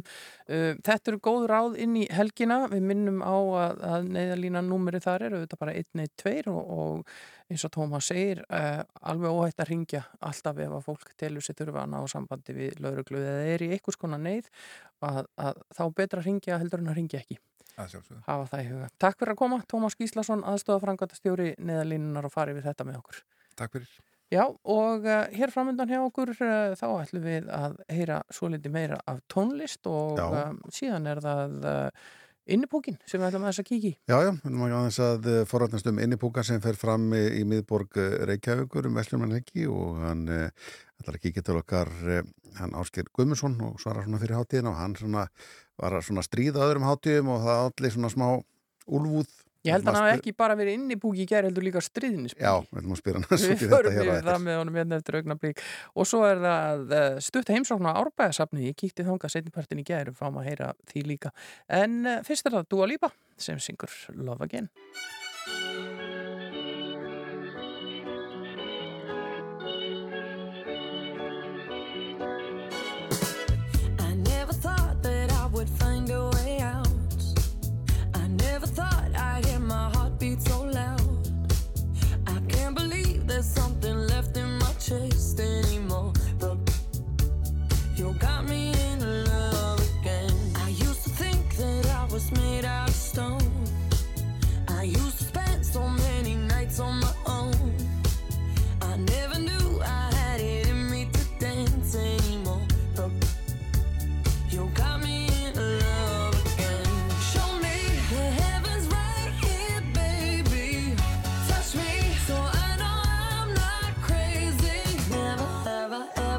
somebody like you.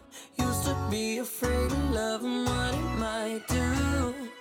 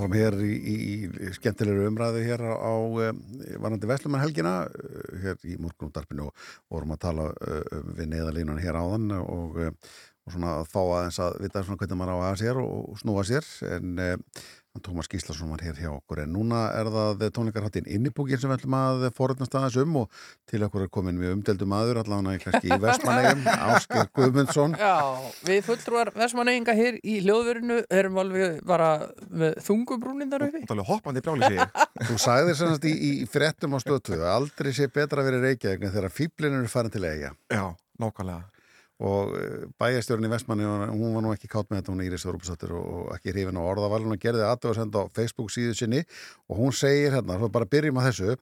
Æ, í alvöru, erum við ekki komið lengra? Er þá öll fýblin allar aðrar helgar í Reykjavík? Tökum umræðan að hæra plan, stöndum alltaf saman gegn opildi, allar helgar og allar dag verum akkandi, hefða það samt hashtag verum akkandi uh, Þú varst að grínast þarna Já, já, og ef Íris hefði eitthvað áhuga á að taka þessu umræðu upp á okkar hærra plan þá hefði náttúrulega bara deilt linknum á þessa frétta sem var mjög auglúsætti sagt í léttulegu gríni Já.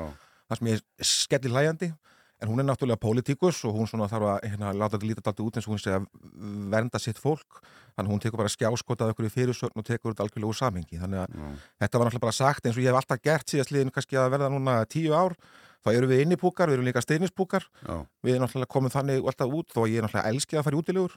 Þessa helgi að þá læti ég alltaf lítið út eins og ég þóli ekki útilegur og ég skilji ekkert í þeim.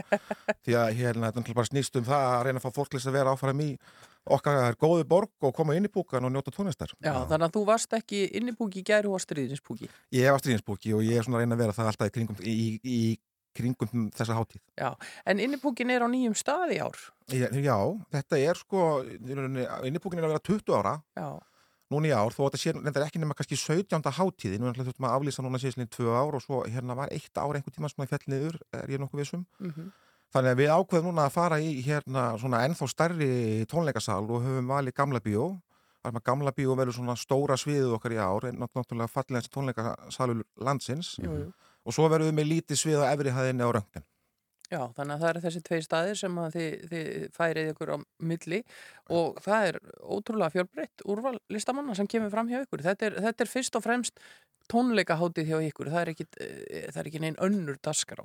Jú, við Það er ekki svona... búið upp að andlitsmálingu fram í og Nei, þetta er svona fullorðarsátti skulum við segja, en við höfum alltaf, ekkert alltaf reyndar, en svona síðastlegin kannski 8-9 ár, þá höfum við verið með hitt fersarnakenda uh, útisvæði inn í púkans Já, já. þar sem við þurfum að sækja um starfsleiði sem útiháttíð Já, hérna, til að vera með það. til, til að vera með það þannig að það við fengið leifi hérna borgarinnar og allir hann hagsmunnaðæla til þess að loka ingóstræti á milli hverfuskötu og bankastrætis Já, og þar setjum við upp eitthvað svona karnivalstemmingu og við verðum með fatamarka á lögadeginum og listamarka í samstæðu við flæði á sunnudeginum. Og það verður einnig hægt að koma svona út og kæla sig á milli tónleika og náttúrulega þetta er akkurat á milli þessar tekja staða Já. og kannski grípa sér einhverja veitingar og kannski einn ískaldan.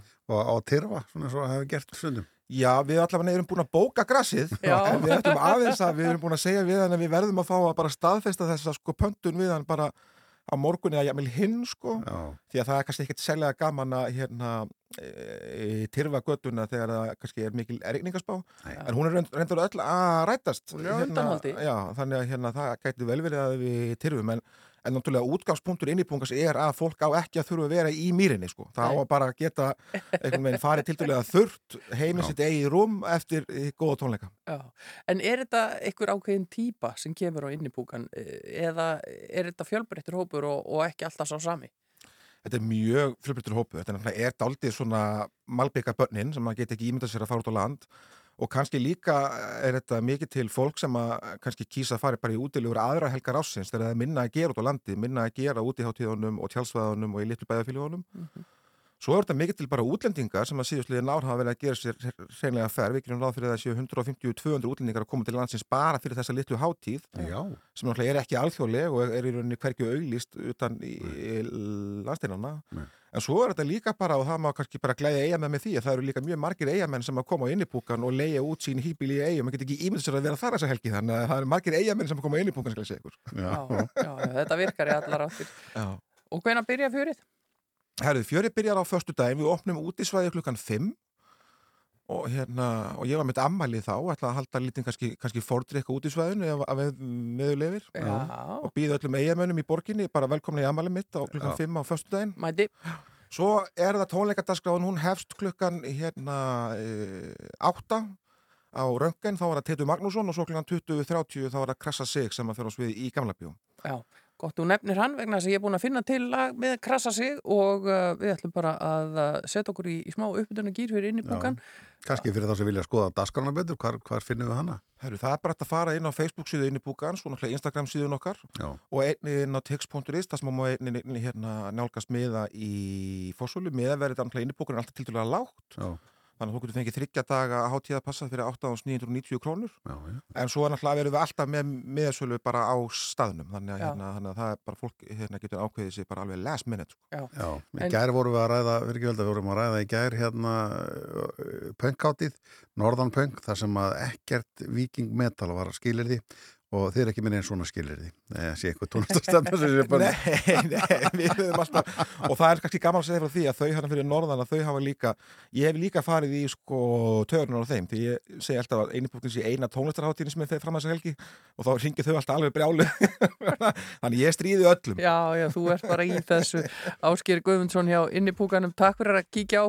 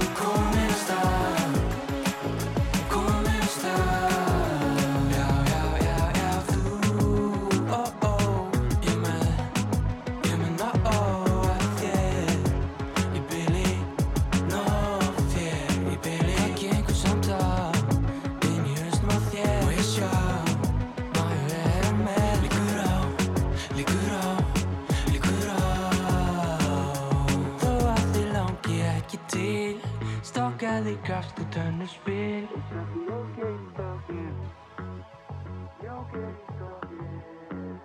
Þú skiptir um lit. Og hvað erum við? Búið þú til. Já, já, já Allt er breytt nú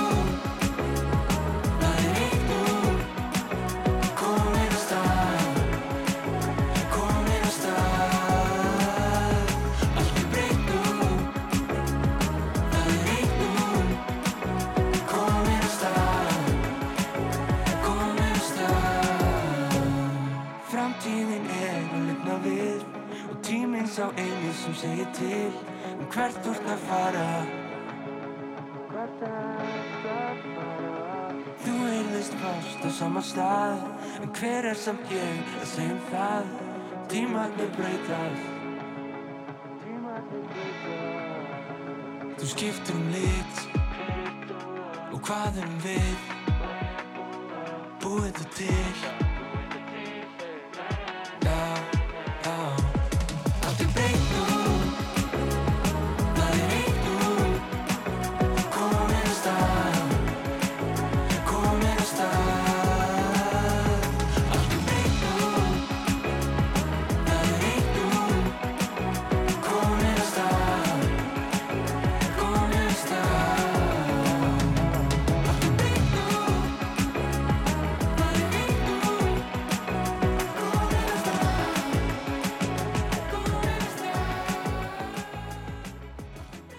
Vaknaðu með morgunútvarpinu á Rás 2. Ég brá mér á Árbæjasafnið í blíðviðrinu í dag og hitti þar fyrir Sigurlaug Ingólfsson verkefnastjóra og uh, ég ætla svona aðeins að fá forvitnast um bara hvað er að, að, að gerast hér á Árbæjasafninu og það er, ef við byrjum bara kannski á næstu helgi, Vestlunumanna helginni, þá gerir þið ráð fyrir gestum hér því að það fara ju ekki allir í burtu. Neini, það er einhver eftirlegu kindur sem að þurfa að hafa eitthvað afþrengu í bænum og við höfum verið að bjóða upp á svona leikjadaskrá gegnum árun, þetta er svona fastulegir hjá okkur, bæði sunnudag og mánudag. Og við erum svona að fara í svona klassiska hefbundan leiki og það fer nú auðvitað eftir þáttöku hvort við getum farið í svona stóra leiki. En við erum alltaf með plan B sem eru þá svona einstaklingsleikir, ef við getum sagt sem svo. Og þá erum við með svona rivið gamla leiki sem er, ég hugsa kannski fáir þekkjorðið eins og reysa horgemling og hoppi við söðalegin og eitthvað slíkt Bitu, bitu, bitu, reysa horngemling, ég þarf útskýring af þessu. Já, þetta er sannlega leikur sem fáir hafa leikið sér held ég, gruna mig, en hann gengur sér út á það að þú, þú sest hérna, á jörðina bara og hefur fætunar beinar. Og svo, ef ég er þannig að rifið það upp, já, svo sko, beigir upp annan hnið og setur vinstru höndina í gegn og þarfst að taka um eyrnarsnefilin á þér Ég er reyndar, þetta er glöfut já, það er sannlega hægri höndin í gegnum vinstri fótinn í eyrnarsnefilin, vinstri höndin uh, í buksnarstrengin og svo átt að standa upp. Og ég, mér hefur aldrei tekist þetta, en, en krökkum tekst þetta. Já, þetta er magnað, en, en þið eru sagt að rifja upp svona, já þessa gömlu og góðu útileiki. Ég er nú nógu- gömul til að muna eftir því þegar við fórum út að leika öll kvöld, en, en þarf að kenna börnum þetta í dag? Ég held þess misjamt, ég, eh, kannski í ykkur skólum er ennþá að vera að hlaupa í skarðið og svona, maður sér það alveg þegar skólahóparnir koma, þannig að jú, jú, ég held þetta lifi nú alveg svona í skólakerfunum og, og svoleiðis, en, en sumi leikir eru kannski hugsa ég, eins og reysa horgemling er sennilega ekki mjög vinsæll grunnar mig, en, en jú, ég held að krakkar þekki alveg kasta hérna yfir og, og hlaupa í skarðið og köttur og mús og þeir leikir held ég lifi. Og svo er náttúrulega reypitóg og svona líka, klassist. En þið gerir þetta ímislega skemmtilegt hérna og, og, og ég tekið eftir því að það er meira orðið um einhvers konar dasgrá og viðburði hér inn á safninu. Það er ekki bara þessi hefbundna safnadasgrá. Er þetta bara svona markvist að, að útvikka safnastarfið? Já, við þurfum náttúrulega kannski að, að, að svona, halda í við stefn og ströyma í þessu til að mynda byrju við fyrir tveimur, eða 2019 sennilega, fyrir COVID eins og maður segir, að þá byrjuðum við að hafa dasgrá í kringum hrekkjavöku. Það hefur slegið í gegn. Uh, við höfum svona reynd einmitt að vera með svona kannski svolítið öðruvísi viðburði síðustu sumur. Við vorum með sirkursdaga nokkur sumur í COVID, voru mjög vinsælir, eh, uh, þetta kvíldum hann í ár. Þannig að já, við reynum svona aðeins að vekja aðtegla okkur með því að, að bjóða upp á kannski eitthvað aðeins öðruvísi en við erum líka svolítið fast heldin á eins og jólin. Það er alltaf, ég held að það hef ekki breyst í grófum dráttum í 20-30 ár. Þannig að við reynum líka að vera síkild.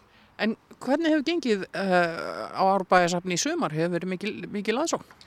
Já, þetta er svolítið skrítið að koma tilbaka, ef svo má segja.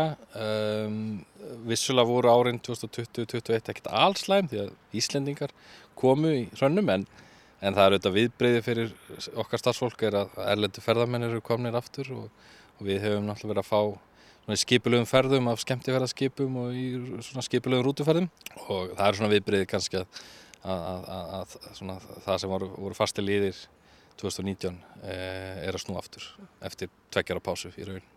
En hvað er það sem vekur mesta aðtikli? Er einhver munur á því hverju Íslendingar eru spenntasti fyrir og hverju erlendir gestir eru? uh, Hvað vekur þeirra áhuga? Það er góð spurning. Það, ég hugsa nú að útlendingar séu svolítið hrifnir af torfhúsunum. Það er auðvitað fyrir eitthvað framandi fyrir flesta. Íslendingar kannski, ég held að margir Íslendingar komi svona kannski af því að þau komi sem börn og þetta er svona, verður eitthvað svona nostalgía. Uh, þannig að mig grunar að, að fyrir þeim eru kannski torfhús ekkit, ekkit nýjasta nýtt ég var séð áður. En ég, já, ég held að, að ferðamönnum finnist torfhúsin svolítið spennandi og svolítið öðruvísi. Það er eitthvað svona hobbitabragur yfir þeim sem ég held að sé, sem, sem, sé svona spennandi að, kynnast. Það er einhver sjarmi við því. Uh, hér er fólk upp á klætt svona einhvern veginn í anda, andasapsins og húsin eru auðvitað frá ýmsum tímum og hafa verið fluttingað. Síðan er bara svona yðandi borgarumferðin hér sko nokkrum metrum frá. Uh, hvernig náðu þið að, að- skapa þessa stemmingu sem er hérna inn á safninu?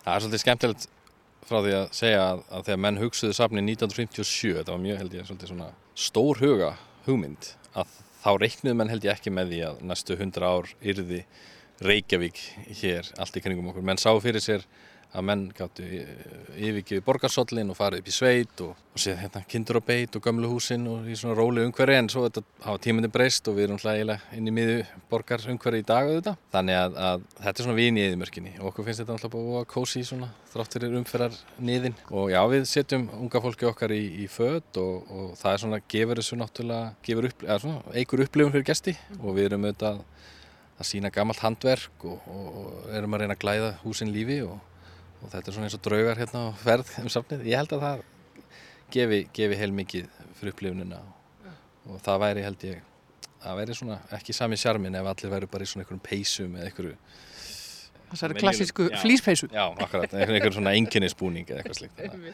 að- En hvernig er að vinna á árbæðasafni? Hvernig, hvernig er að vera í, í þessari stemmingu alla daga? Já, ég gerir nú gott betur því að ég bý hérna Ha? í húsinu hérna fyrir miðju safsins. Þannig að ég fer aldrei hérna, ég gerir mig bæja fyrir endrum eins en annars er ég hérna eiginlega alltaf bara. Þannig að fyrir mér er þetta náttúrulega bara svona lítil, lítil sveit og mjög þægilegt að vera hérna. Ég get ekki kvartað. En hvernig kom það til að, þú fóst inn í þennan geira? Hefur alltaf haft mikinn áhuga á sagfræði? Já, ég fór í Sakfræði háskóla og svo hérna, datt mér í huga að sækja hér um sumastarf. Það var nú eiginlega þeim árum, satt best að segja, ekki mikið um stráka. Það var nú eiginlega undartekning ef að strákar voru hérna á safninu. Þannig að við vorum tveir endar hérna fyrsta sumari fyrir mörgum áru síðan. Uh, mér fannst þetta bara svo æðislegt að, að, að ég hafði hugsað mér að, að vera hérna áfram en það voru nú engin laus störf í bóði nema ég var beðin um að vera eina viku sumar, eða höstu 2006 það voru allir að fara til Santi Pétursborgar í einhverja ferð nema ég þurfti að vera á símanum og svona passa upp á allt svo eftir, eftir þess einu viku þá var mér búið að vera áfram í einn mánuð og svo er þetta orðin 16 ára eða hvað þetta orðið, ég er nú hættur að er orðin ár þannig að þetta var algjörst, algjörst uh, slís að ég endaði hérna bara alltaf Og þú ert ekkert á, á förum, eitt eða neitt. nei, allir það, allir maður sé nokkuð að fara úr þessu Og þú lætur það ekki tröfla þig þegar þú ert heima hjá þér kannski að reyna að taka helga frí þó að það sé fari hér í útileiki um helgina. Nei, maður vaknar einmitt stundum við hérna, ferðamenn og aðra og það er svona að vera að reyna að komast inn til manns og sjá hvort það sé ekki eitthvað, eitthvað að skoða þar og annað. Nei, maður hættir að kipa sér upp við það og, og þetta er bara því að búa hérna. Að, það er alltaf ykkur að ferð hérna. Og árbæðasafn er ekki að fara neitt, það hefur aðlægast vel að borgarumkörunu sem vexir í allar áttir. Já, já, það þetta, kemur alltaf upp umræða hvort eigi að flytja safnið og slíkt en, en eh, nei, ég held að við séum nú búin að festa okkur í sessi. Það er, það er ammaliðs ár, það er, við erum hérna, búin að vera hérna núna í hvað, 65 ár í ár.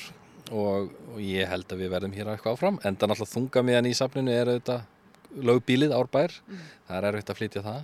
Þannig að, að ég held að við séum orðin svona rótgróin hérna upp í, upp í árbænum upp í ártúninu eða hvað sem maður segir. Já, takk kjærlega fyrir spjalli Sigurlaugur Ingólfsson, uh, verkefnastjóri á Árbæðasafni og íbúi í Árbæðasafni það er væntalega hérna, ekki margi sem geta státa af þeim tilli það var gaman að fá að kíkja hérna í heimsókn og við minnum auðvitað á þessa skemmtilegu dasgrá hér um helgina. Hvar getur fólk uh, kynnt sér hana nánar?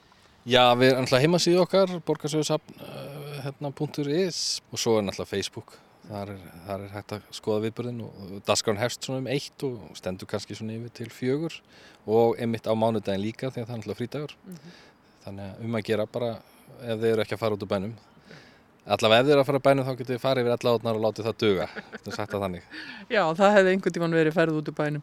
Takk kjærlega fyrir spjallið og, og hafði það sem allra best og góða skemmtnur um helgina. Takk fyrir. Þú ert að hlusta á morgunútvarpið. Á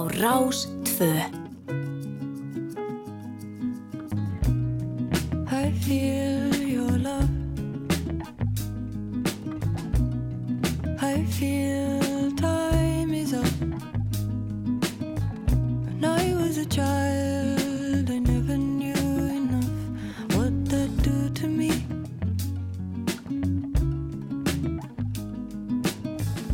The wave of love is a transient hut.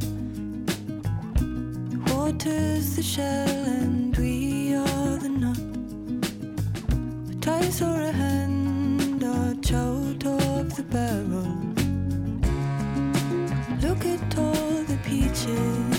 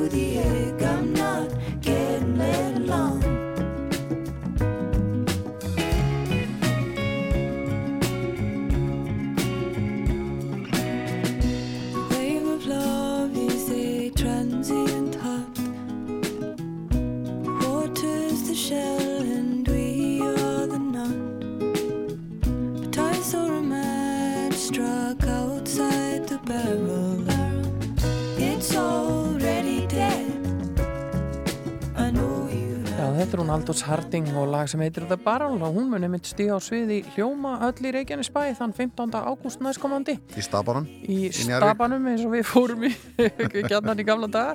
Og það verður eh, gaman að sjá þessa flottu tónlistakonu Já, þar. þetta er áhu- áhugavert.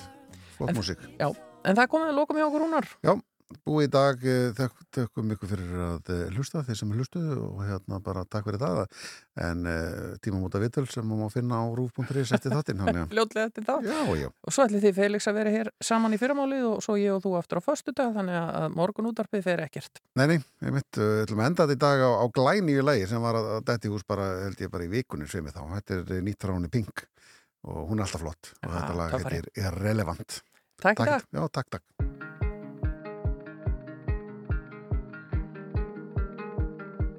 Think it might rain today. Ash on the ground. Took all the heat we could take